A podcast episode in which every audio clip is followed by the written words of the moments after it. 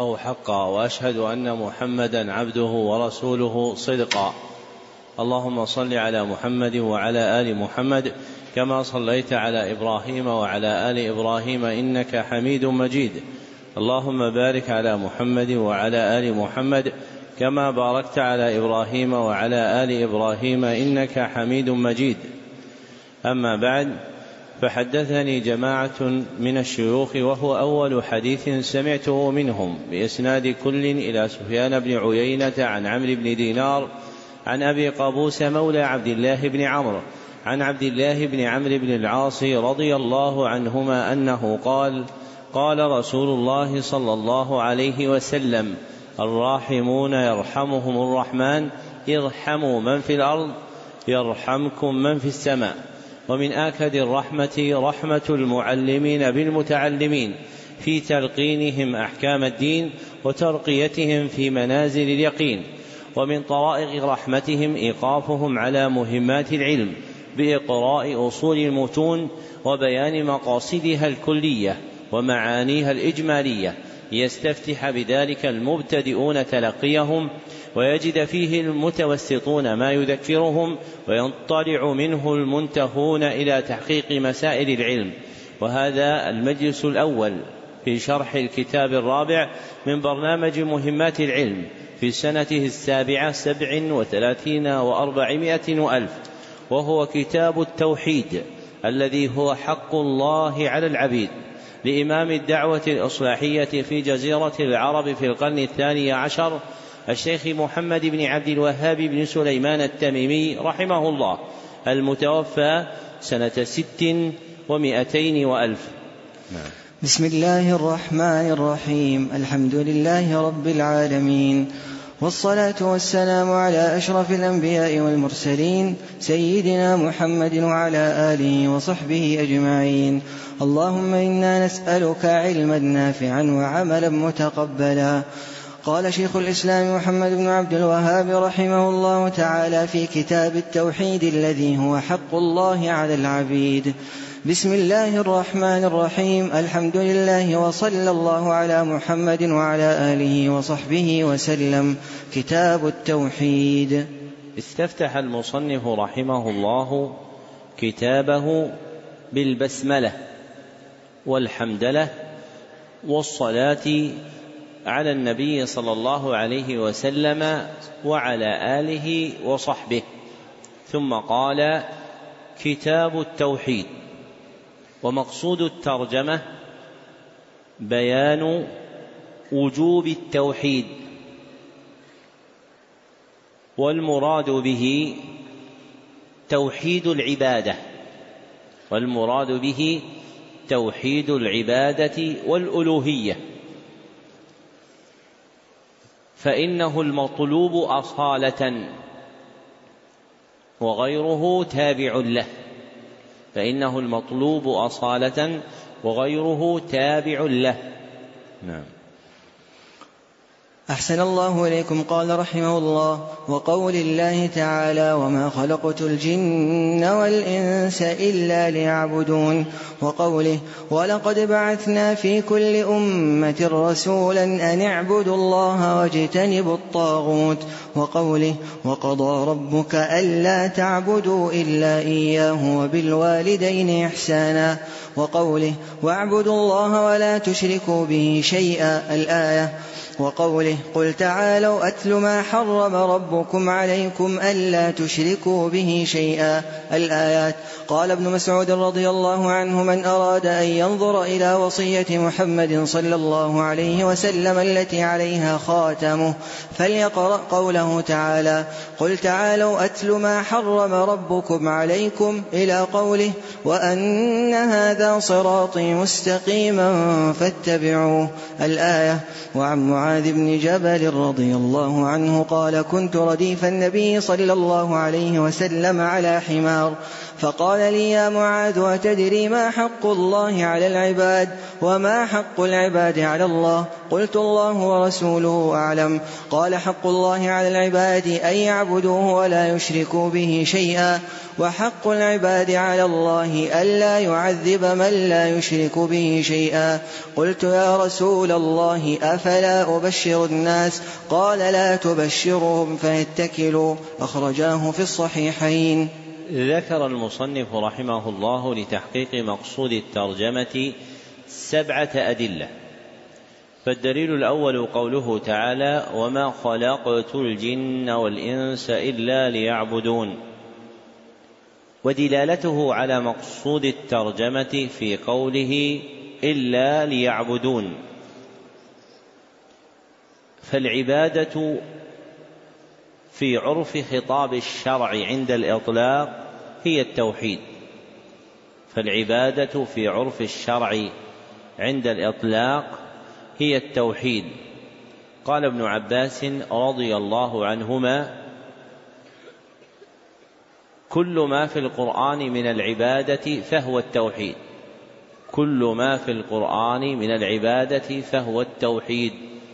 ذكره البغوي في تفسيره. فالآية في بيان الحكمة من خلق الجن والإنس. أنهم مخلوقون لتوحيد الله. أنهم مخلوقون لتوحيد الله. وما خلقوا لأجله هم مأمورون به. وما خلقوا لأجله فهم مأمورون به. والأمر للإيجاب. فالتوحيد واجب. والدليل الثاني قوله تعالى ولقد بعثنا في كل أمة رسولا. الآية. ودلالته على مقصود الترجمة من وجهين. أحدهما في قوله أن اعبدوا الله على ما تقدم من أن العبادة توحيده على ما تقدم من أن العبادة توحيده فهو أمر بالعبادة فهو أمر بالعبادة التي هي توحيده والأمر للإيجاب. فالتوحيد واجب. والآخر في قوله واجتنبوا الطاغوت. واجتنبوا الطاغوت. وهو أمر بمباعدته. وهو أمر بمباعدته. ولا يتحقق الاجتناب للطاغوت إلا بعبادة الله وحده وتوحيده ولا يتحقق الاجتناب للطاغوت إلا بعبادة الله وحده وتوحيده. فيكون التوحيد واجبا فيكون التوحيد واجبا لتوقف تحقق اجتناب الطاغوت عليه لتحقق توقف اجتناب الطاغوت عليه. والدليل الثالث قوله تعالى وقضى ربك الا تعبدوا الا اياه. الآية ودلالته على مقصود الترجمة في قوله وقضى ربك الا تعبدوا الا اياه. أي أمر أمرا شرعيا أن نعبده وحده. أي أمر أمرا شرعيا أن نعبده وحده. وعبادته هي توحيده. وعبادته هي توحيده. وأمرنا بها برهان وجوبه. وأمرنا بها برهان وجوبه. فالأمر للإيجاب. والدليل الرابع قوله تعالى واعبدوا الله ولا تشركوا به شيئا. ودلالته على مقصود الترجمة من وجهين. أحدهما في قوله واعبدوا الله فإنه أمر بالعبادة التي هي توحيد الله. فإنه أمر بالعبادة التي هي توحيد الله. والأمر للإيجاب. والأمر للإيجاب. فيكون التوحيد واجبا. والآخر في قوله ولا تشركوا به شيئا. والآخر في قوله ولا تشركوا به شيئا. وهو نهي عن الشرك. وهو نهي عن الشرك. يفيد تحريمه. يفيد تحريمه. ويستلزم الأمر بمقابله. وهو التوحيد أمر إيجاب. ويستلزم الأمر بمقابله وهو التوحيد أمر إيجاب فيكون التوحيد واجبا. والدليل الخامس قوله تعالى قل تعالوا أتل ما حرم ربكم عليكم ألا تشركوا به شيئا. الآية.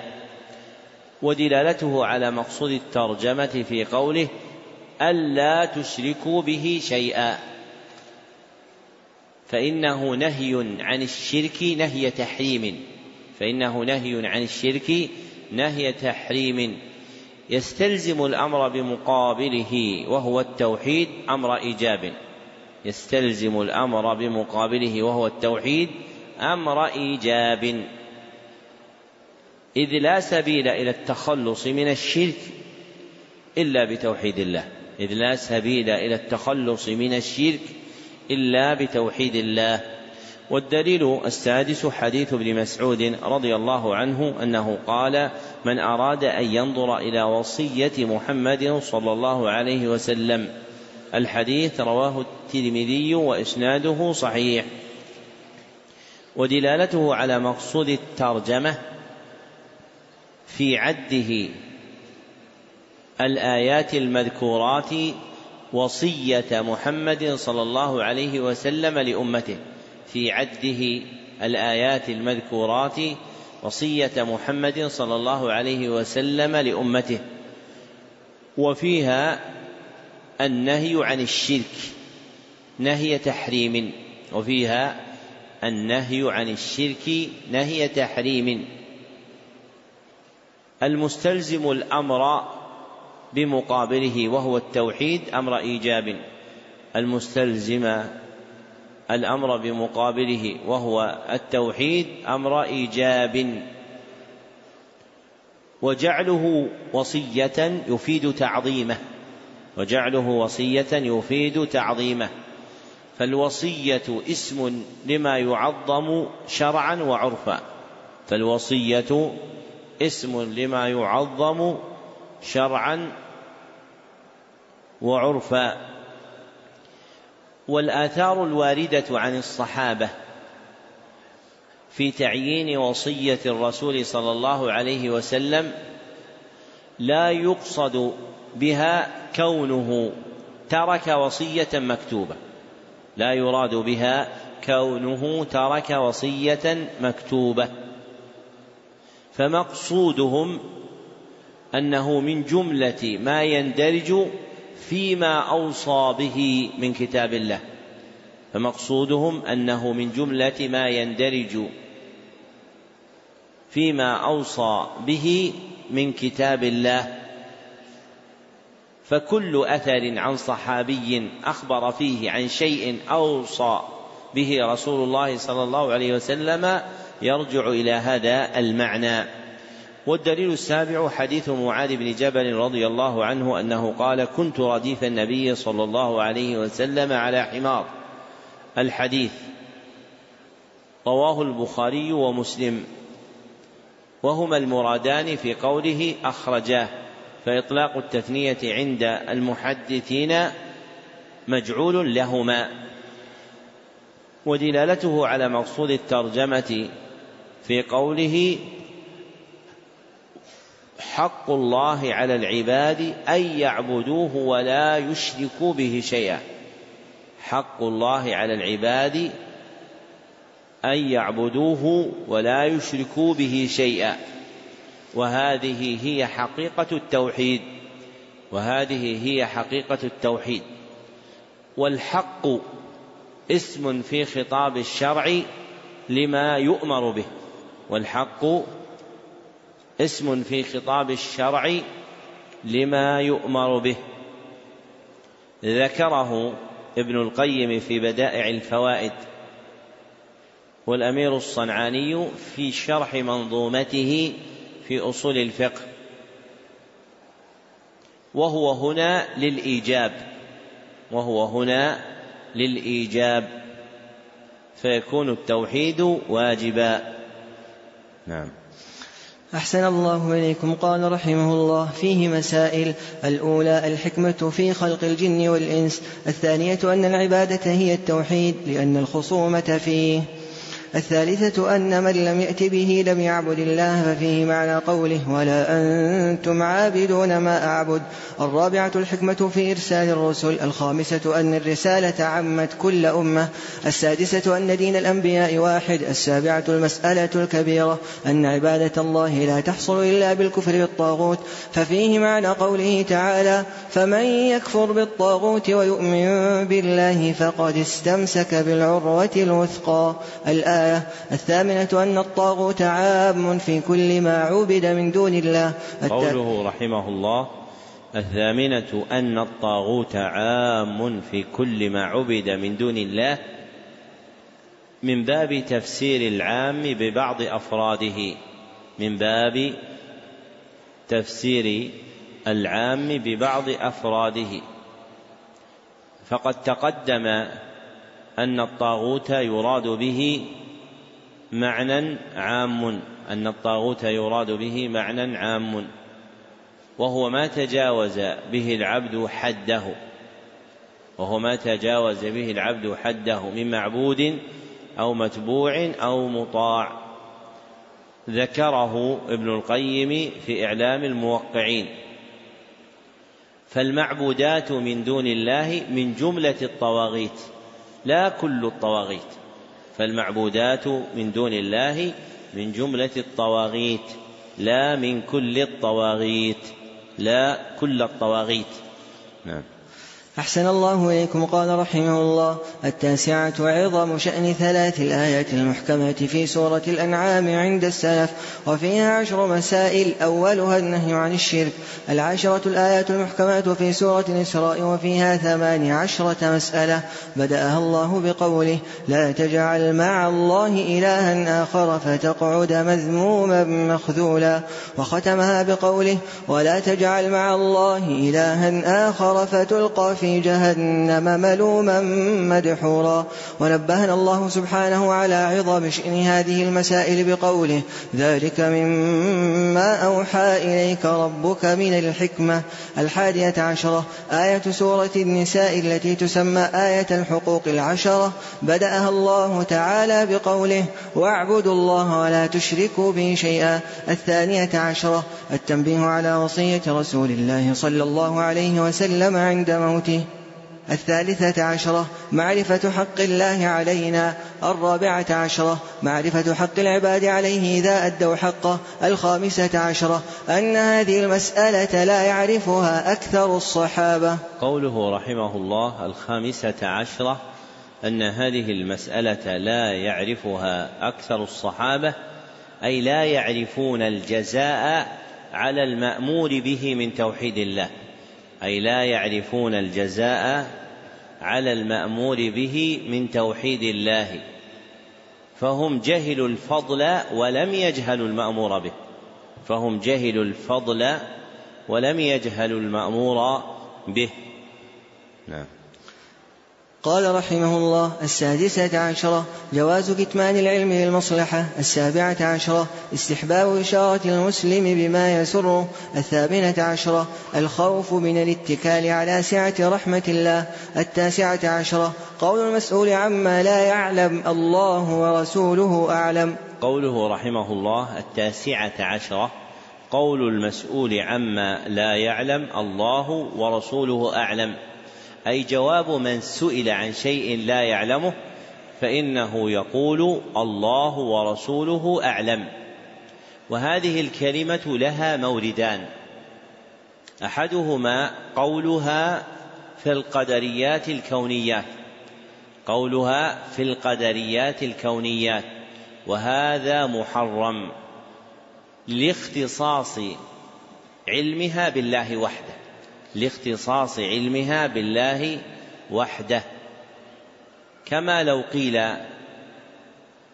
هل ينزل مطر غدا؟ فقال المسؤول الله ورسوله أعلم. فقوله محرم لاختصاص العلم بنزول المطر بالله وحده. فيكون الجواب الموافق للشرع أن يقول إيش؟ الله أعلم. والآخر قولها في الشرعيات الدينيات. قولها في الشرعيات الدينيات. وهذا جائز. وهذا جائز. لكمال علمه صلى الله عليه وسلم بالشرع. لكمال علمه صلى الله عليه وسلم بالشرع. فلو سئل سائل ما حكم بيع الربا بيع العينة؟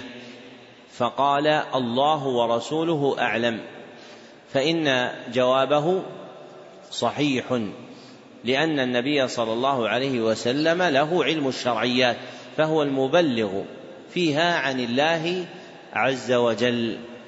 فيصح أن يجيب المجيب بها قائلا الله ورسوله أعلم. ولو بعد موته صلى الله عليه وسلم للقطع بكونه صلى الله عليه وسلم أعلم الناس بالشرع وهو جار في عرف السلف وهو جار في عرف السلف. ذكر ذلك بعد موته صلى الله عليه وسلم. نعم. قال رحمه الله العشرون جواز تخصيص بعض الناس بالعلم دون بعض الحادية والعشرون تواضعه صلى الله عليه وسلم لركوب الحمار مع الإرداف عليه الثانية والعشرون جواز الإرداف على الدابة الثالثة والعشرون عظم شأن هذه المسألة الرابعة والعشرون فضيلة معاذ بن جبل رضي الله عنه. قال المصنف رحمه الله باب فضل التوحيد وما يكفر من الذنوب. مقصود الترجمة بيان فضل التوحيد وما يكفر من الذنوب وأصل الفضل الزيادة وأصل الفضل الزيادة وما في الترجمة تحتمل معنيين وما في الترجمة تحتمل معنيين أحدهما أن تكون اسما موصولا بمعنى الذي أن تكون اسما موصولا بمعنى الذي. فيكون تقدير الجملة باب فضل التوحيد والذي يكفره من الذنوب. باب فضل التوحيد والذي يكفره من الذنوب. والآخر أن تكون ما مصدرية. تؤول مع ما بعدها مصدرا. تؤول مع ما بعدها مصدرا. فيكون تقدير الكلام باب فضل التوحيد وتكفيره الذنوب. باب فضل التوحيد وتكفيره الذنوب. والتقدير الثاني أصح من الأول. والتقدير الثاني أصح من الأول. لئلا يتوهم أن من الذنوب ما لا يكفره التوحيد. لئلا يتوهم أن من الذنوب ما لا يكفره التوحيد. والتوحيد المقصود في الترجمة هو توحيد العبادة. والتوحيد المقصود في الترجمة هو توحيد العبادة. قاله عبد الرحمن بن حسن في قرة عيون الموحدين. نعم. قال رحمه الله وقول الله تعالى الذين آمنوا ولم يلبسوا إيمانهم بظلم أولئك لهم الأمن وهم مهتدون. وعن عبادة بن الصامت رضي الله عنه قال قال رسول الله صلى الله عليه وسلم من شهد أن لا إله إلا الله وحده لا شريك له وأن محمدا عبده ورسوله وأن عيسى عبد الله ورسوله وكلمته ألقاها إلى مريم وروح منه والجنة حق والنار حق أدخله الله الجنة على ما كان من العمل أخرجاه ولهما في حديث عتبان فإن الله حرم على النار من قال لا إله إلا الله يبتغي بذلك وجه الله. وعن أبي سعيد الخدري رضي الله عنه عن رسول الله صلى الله عليه وسلم قال قال موسى عليه السلام يا رب علمني شيئا أذكرك وأدعوك به. قال قل يا موسى لا إله إلا الله. قال كل عبادك يقولون هذا. قال يا موسى لو أن السماوات السبع وعامرهن غيري والأرضين السبع في كفة. ولا إله إلا الله في كفة. مالت بهن لا إله إلا الله. رواه ابن حبان والحاكم وصححه. وللترمذي وحسنه عن أنس رضي الله عنه قال سمعت رسول الله صلى الله عليه وسلم يقول قال الله تعالى يا ابن آدم إنك لو أتيتني بقراب الأرض خطايا ثم لقيتني لا تشرك بي شيئا لأتيتك بقرابها مغفرة. ذكر المصنف رحمه الله لتحقيق مقصود الترجمة خمسة أدلة. فالدليل الأول قوله تعالى الذين آمنوا ولم يلبسوا إيمانهم بظلم أولئك لهم الأمن وهم مهتدون. ودلالته على مقصود الترجمة في قوله لهم الأمن وهم مهتدون. فمن فضل التوحيد أنه يتحقق به الأمن والاهتداء في الدنيا والآخرة. فمن فضل التوحيد أنه يتحقق به الأمن والاهتداء في الدنيا والآخرة. والتوحيد مذكور في قوله الذين آمنوا ولم يلبسوا إيمانهم بظلم أي بشرك. والتوحيد مذكور في قوله الذين آمنوا ولم يلبسوا إيمانهم بظلم أي بشرك. صح تفسيره صح تفسير الظلم بالشرك من حديث ابن مسعود في الصحيحين. والدليل الثاني حديث عبادة بن الصامت رضي الله عنه أنه قال قال رسول الله صلى الله عليه وسلم من شهد أن لا إله إلا الله الحديث رواه البخاري ومسلم وهما المرادان بقوله أخرجاه على ما تقدم تقريره ودلالته على مقصود الترجمة في قوله أدخله الله الجنة على ما كان من العمل. فمن فضل التوحيد أنه يدخل صاحبه الجنة على أي حال كان. فمن فضل التوحيد أنه يدخل صاحبه الجنة على أي حال كان من صلاح أو فساد من صلاح أو فساد. وإدخال التوحيد أهله الجنة نوعان. وإدخال التوحيد أهله الجنة نوعان. أحدهما إدخال في الحال. أحدهما إدخال في الحال. لئلا يتقدمه عذاب. والآخر إدخال في المآل. إدخال في المآل. بأن يتقدمه بأن يتقدمه عذاب. بأن يتقدمه عذاب في النار. ثم يخرج لتوحيده ويكون مآله الجنة. ثم يخرج لتوحيده ويكون مآله الجنة. والدليل الثالث حديث عتبان بن مالك رضي الله عنه فإن الله حرم على النار. الحديث متفق عليه. ودلالته على مقصود الترجمة في قوله حرم الله على النار. حرم الله على النار. من قال لا إله إلا الله. فمن فضل التوحيد أنه يحرم أهله على النار. فمن فضل التوحيد أنه يحرم أهله على النار. وأشير إلى التوحيد في الحديث بكلمته وهي لا إله إلا الله. وأشير إلى التوحيد في الحديث بكلمته. وهي لا إله إلا الله. وتحريم التوحيد أهله على النار نوعان. وتحريم التوحيد أهله على النار نوعان.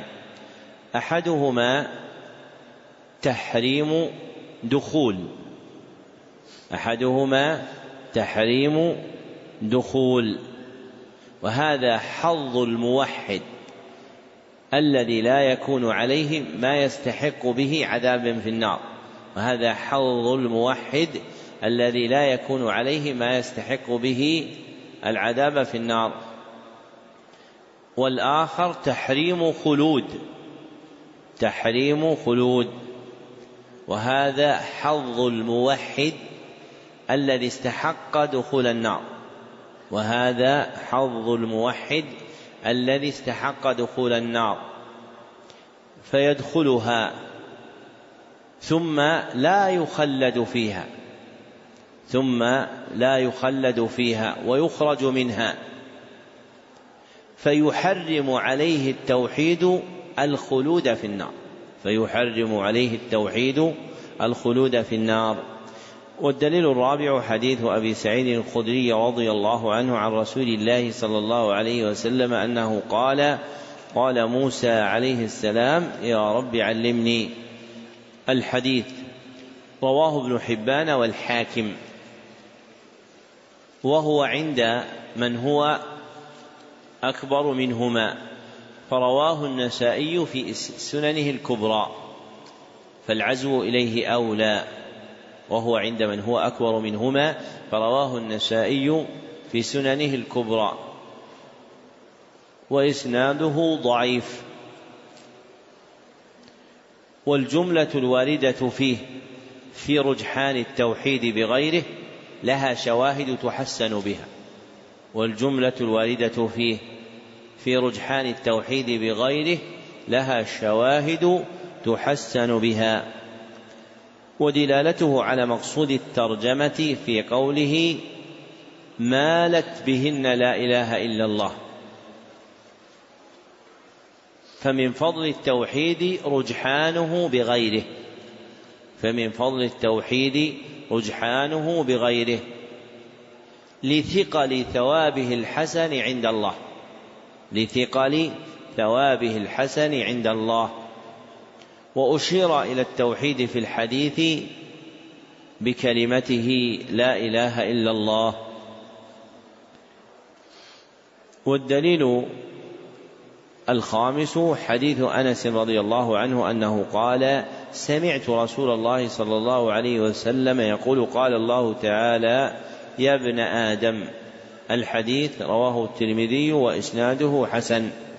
ودلالته على مقصود الترجمة في قوله ثم لقيتني لا تشرك بي شيئا. لأتيتك بقرابها مغفرة. فمن فضل التوحيد أنه يغفر لصاحبه وتكفر عنه سيئاته.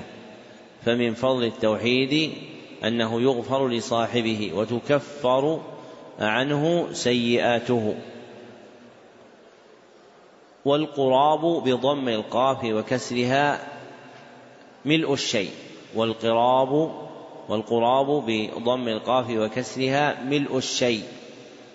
فلو قدر أن العبد أتى ربه بملء الأرض خطايا ثم لقيه لا يشرك به شيئا لغفر الله له لتوحيده.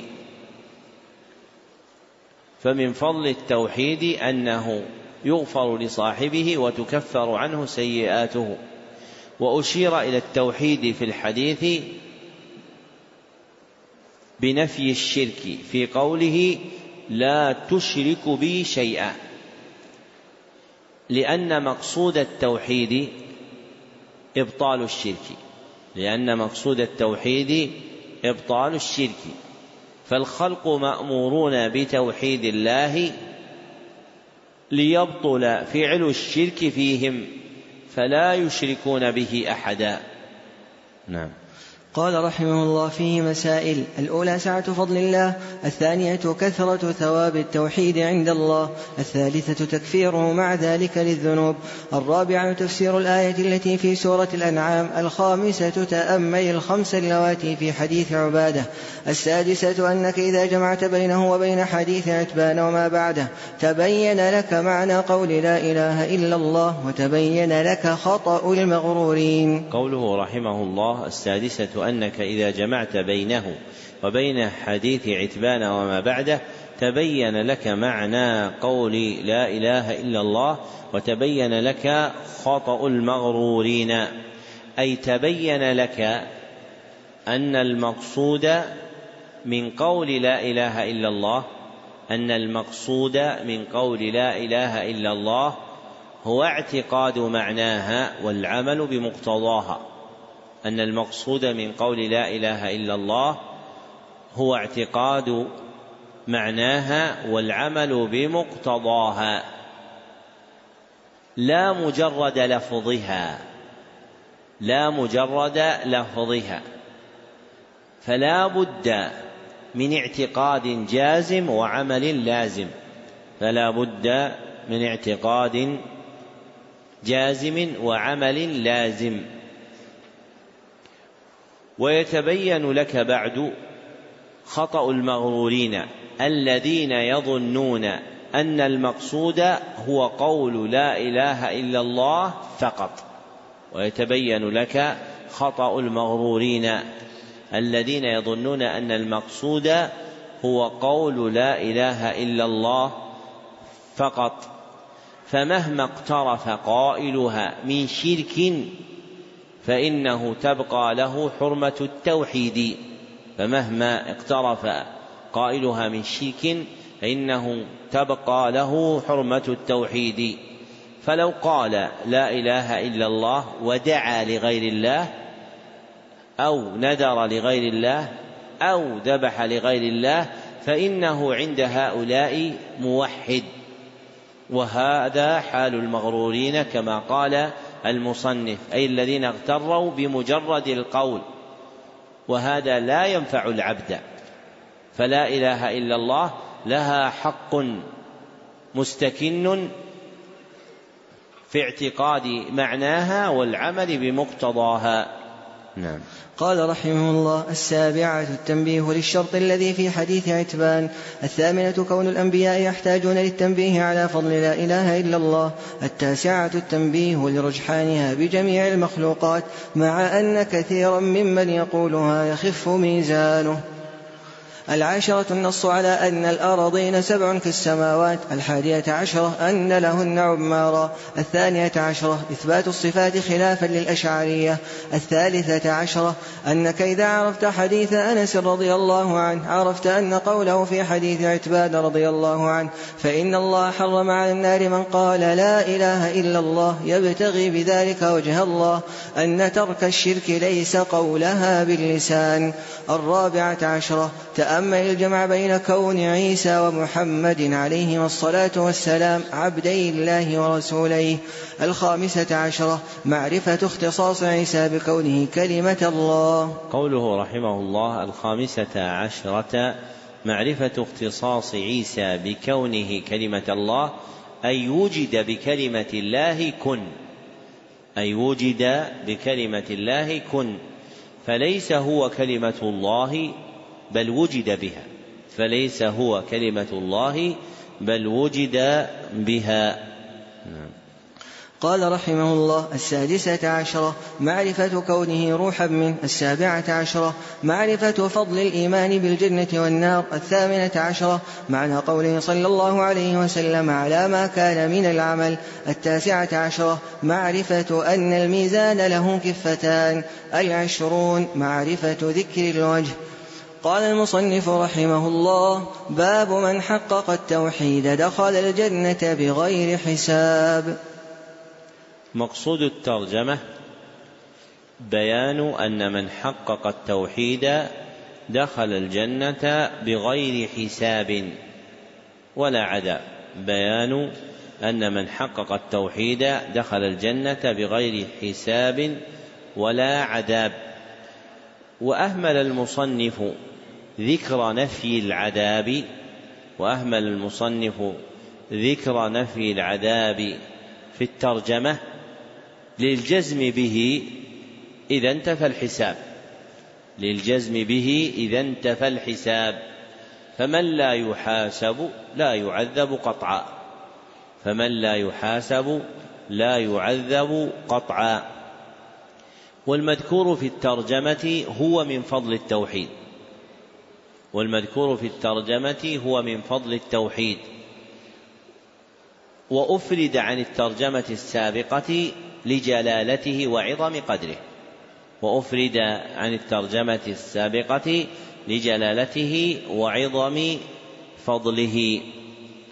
وتحقيق التوحيد هو رسوخه بالسلامة مما ينافي أصله أو كماله. هو رسوخه في القلب بالسلامة مما ينافي أصله أو كماله.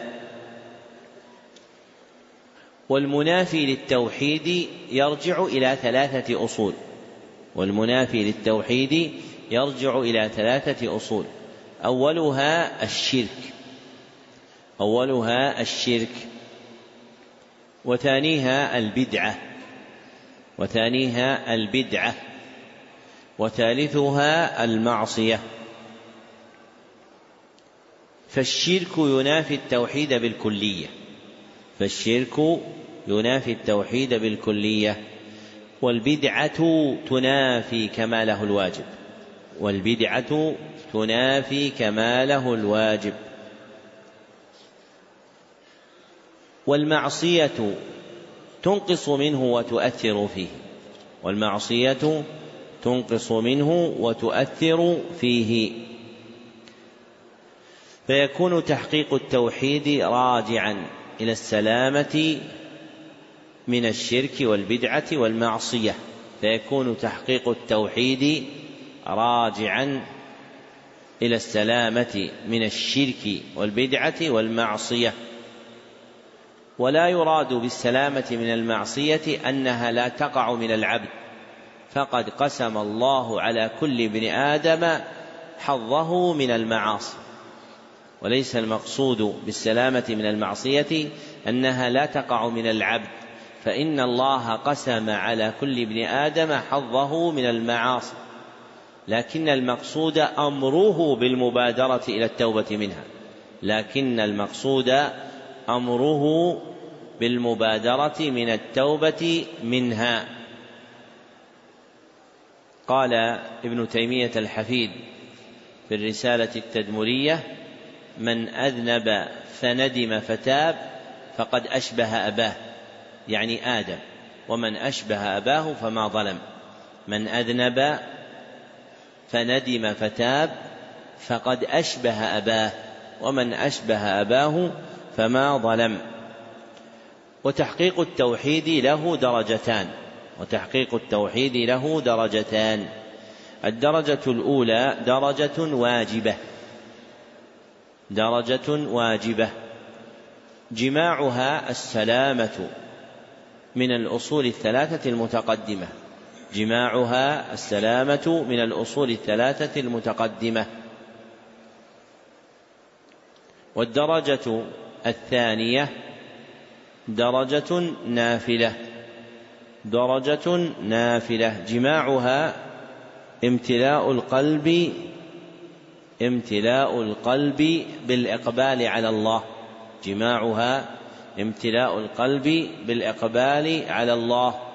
والأنس به والأنس به. وكمال التعلق به. وكمال التعلق به والناس يتفاوتون بهذا في هذا تفاوتا عظيما.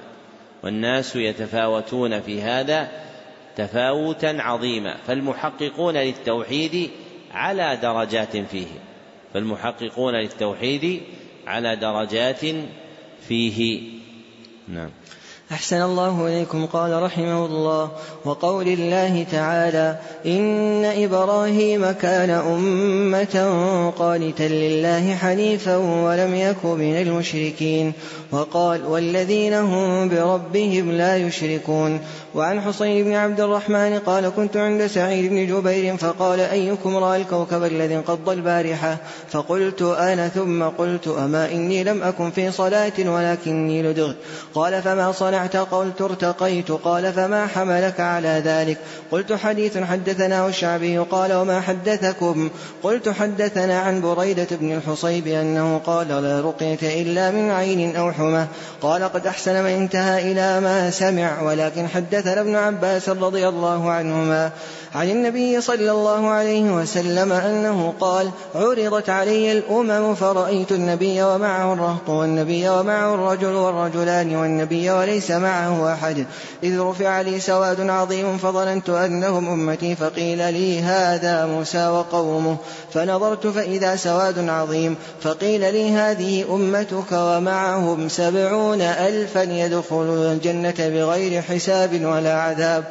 ثم نهض فدخل منزله فخاض الناس في أولئك فقال بعضهم فلعلهم الذين صحبوا رسول الله صلى الله عليه وسلم وقال بعضهم فلعلهم الذين ولدوا في الإسلام فلم يشركوا بالله شيئا وذكروا أشياء فخرج عليهم رسول الله صلى الله عليه وسلم فأخبروه فقال هم الذين لا يسترقون ولا يكتوون ولا يتطيرون على ربهم يتوكلون فقام عكاشة بن محصن فقال فقال يا رسول الله ادع الله أن يجعلني منهم فقال أنت منهم. ثم قام رجل آخر فقال ادع الله أن يجعلني منهم. فقال سبقك بها عكاشة. ذكر المصنف رحمه الله لتحقيق مقصود الترجمة ثلاثة أدلة. فالدليل الأول قوله تعالى إن إبراهيم كان أمة قانتا لله حنيفا ولم يك من المشركين. ودلالته على مقصود الترجمة في ذكر إبراهيم بما يدل على تحقيقه التوحيد. في ذكر إبراهيم بما يدل على تحقيقه التوحيد. مع بيان جزائه في قوله بعد وإنه في الآخرة لمن الصالحين. مع ذكر جزائه في قوله بعد وإنه في الآخرة من الصالحين. والصالح في الآخرة هو الفائز قاله الزجاج. والصالح في الآخرة هو الفائز قاله الزجاج. وأعظم الفوز دخول الجنة بغير حساب ولا عذاب وأعظم الفوز دخول الجنة بغير حساب ولا عذاب. ومما ينبه عليه أن المصنف رحمه الله ذكر هذه الآية للدلالة على معنيين. أحدهما أن إبراهيم حقق التوحيد وبقي الآخر وهو أنه يدخل الجنة بغير ساب ولا عذاب وهو مستفاد من ذلك بعد آيات في قوله وإنه في الآخرة لمن الصالحين والدليل الثاني قوله تعالى والذين هم بربهم لا يشركون ودلالته على مقصود الترجمة في مدح الله المؤمنين بهذا في مدح الله المؤمنين بهذا ثم قوله أولئك يسارعون في الخيرات ثم قوله بعد ذلك أولئك يسارعون في الخيرات وهم لها سابقون. فالسبق في الخيرات سبق في المآلات. فالسبق في الخيرات سبق في المآلات. وأعظم السبق دخول الجنة بغير حساب ولا عذاب. وأعظم السبق دخول الجنة بغير حساب ولا عذاب. الذي نالوه ببراءتهم من الشرك المذكورة في قوله والذين هم بربهم لا يشركون. فمن حقق التوحيد كان أسبق الخلق إلى الله فيكون ممن يدخل الجنة بغير حساب ولا عذاب. والدليل الثالث حديث ابن عباس الطويل وهو حديث متفق عليه.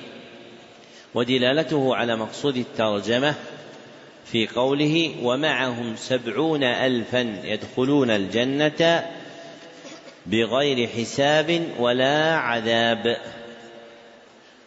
وأشير إلى تحقيقهم التوحيد بما ذكر من خصالهم. وأشير إلى تحقيقهم التوحيد بما ذكر من خصالهم. في قوله صلى الله عليه وسلم هم الذين لا يسترقون ولا يتطيرون ولا يكتوون وعلى ربهم يتوكلون. فالحديث مطابق للترجمة في بيان الجزاء. فالحديث مطابق للترجمة في بيان الجزاء. وفيه ذكر خصال من خصال محقق التوحيد. وفيه ذكر خصال من خصال محقق التوحيد. نعم. قال رحمه الله فيه مسائل. الأولى معرفة مراتب الناس في التوحيد الثانية معنى تحقيقه الثالثة ثناؤه سبحانه على إبراهيم بكونه لم يكن من المشركين الرابعة ثناؤه على سادات الأولياء بسلامتهم من الشرك الخامسة كون ترك الرقية والكي من تحقيق التوحيد.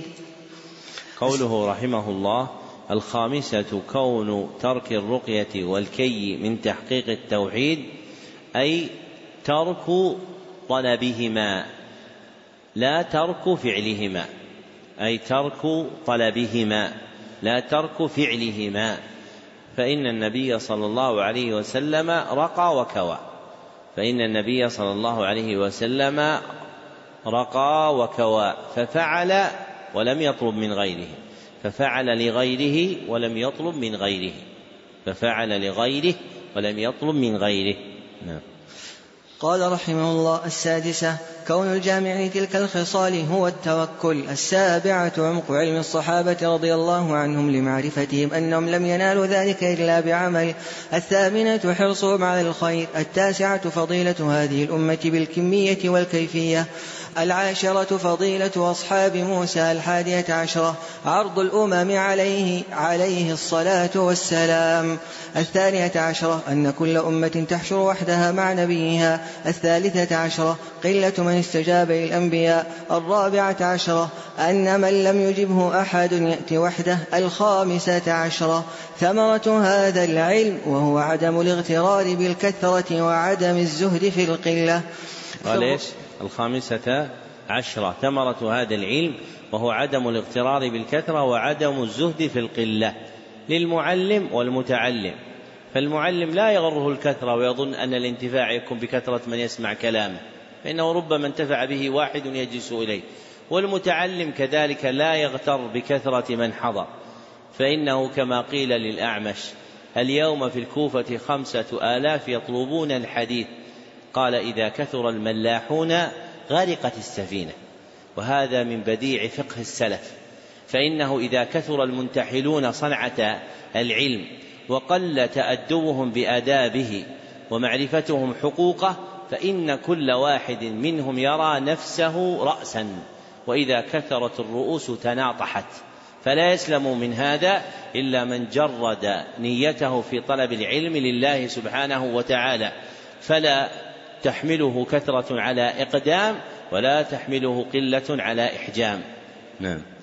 أحسن الله إليكم. قال رحمه الله السادسة عشرة الرخصة في الرقية من العين والحمى. قوله رحمه الله السادسة عشرة الرخصة في الرقية من العين والحمى. والحمى سم كل شيء يلدغ أو يلسع. سم كل شيء يلسع أو يلدغ.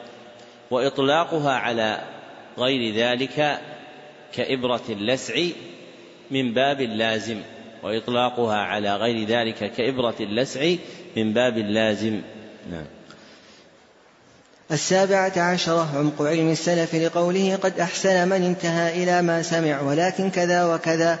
فعلم أن الحديث الأول لا يخالف الثاني. الثامنة عشرة بعد السلف عن مدح الإنسان بما ليس فيه. التاسعة عشرة قوله أنت منهم على من أعلام النبوة. العشرون فضيلة عكاشة. الحادية والعشرون استعمال المعاريض قوله رحمه الله الحادية والعشرون استعمال المعاريض المعارض من الكلام إطلاق كلام يوهم معنى وإرادة آخر. إطلاق كلام يوهم معنى مع إرادة معنى آخر. نعم. الثانية والعشرون حسن خلقه صلى الله عليه وسلم. اللهم صل على وسلم قال المصنف رحمه الله باب الخوف من الشرك. مقصود الترجمة إبعاد النفوس عن الشرك كله بتخويفها منه. إبعاد النفوس عن الشرك كله بتخويفها منه. فيجب على الموحد أن يخاف الشرك ويحذره لأنه شر الشر لأنه شر الشر والشر يحذف يحذر منه ويخاف. والشرك يطلق في الشرع على معنيين. أحدهما عام وهو جعل شيء من حق الله لغيره. أحدهما عام وهو جعل شيء من حق الله لغيره. والآخر خاص وهو جعل شيء من العبادة لغير الله. والآخر خاص وهو جعل شيء من العبادة لغير الله وينقسم الشرك باعتبار قدره إلى قسمين وينقسم الشرك باعتبار قدره إلى قسمين أحدهما شرك أكبر وهو جعل شيء من حق الله لغيره يزول معه أصل الإيمان وهو جعل الشيء من حق الله لغيره يزول معه أصل الإيمان فيخرج العبد من الإسلام إلى الكفر فيخرج العبد من الإسلام إلى الكفر. والآخر شرك أصغر وهو جعل شيء من حق الله لغيره وهو جعل شيء من حق الله لغيره يزول معه كمال الإيمان يزول معه كمال الإيمان. فلا يخرج به العبد من الإسلام إلى الكفر. فلا يخرج به العبد من الإسلام إلى الكفر. والواجب على العبد أن يحذر الشرك كله. لا فرق بين كبيره ولا صغيره. فإن القسمة المذكورة للنظر فيما تفيد من بقاء العبد في دائرة الإسلام أو خروجه منه. لا لتهوين الشرك. نعم. قال رحمه الله وقول الله تعالى إن الله لا يغفر أن يشرك به ويغفر ما دون ذلك لمن يشاء. وقال الخليل عليه السلام وجنبني وبني أن نعبد الأصنام. وفي الحديث أخوف ما أخاف عليكم الشرك الأصغر. فسئل عنه فقال الرياء. وعن ابن مسعود رضي الله عنه أن رسول الله صلى الله عليه وسلم قال من مات وهو يدعو لله ندا دخل النار. رواه البخاري. ولمسلم عن جابر رضي الله عنه أن رسول الله صلى الله عليه وسلم قال من لقي الله لا يشرك به شيئا دخل الجنة ومن لقيه يشرك به شيئا دخل النار. وهذا آخر هذا المجلس ونستكمل بيانه بعد صلاة العشاء بإذن الله تعالى. الحمد لله رب العالمين وصلى الله وسلم على عبده ورسوله محمد وآله وصحبه أجمعين.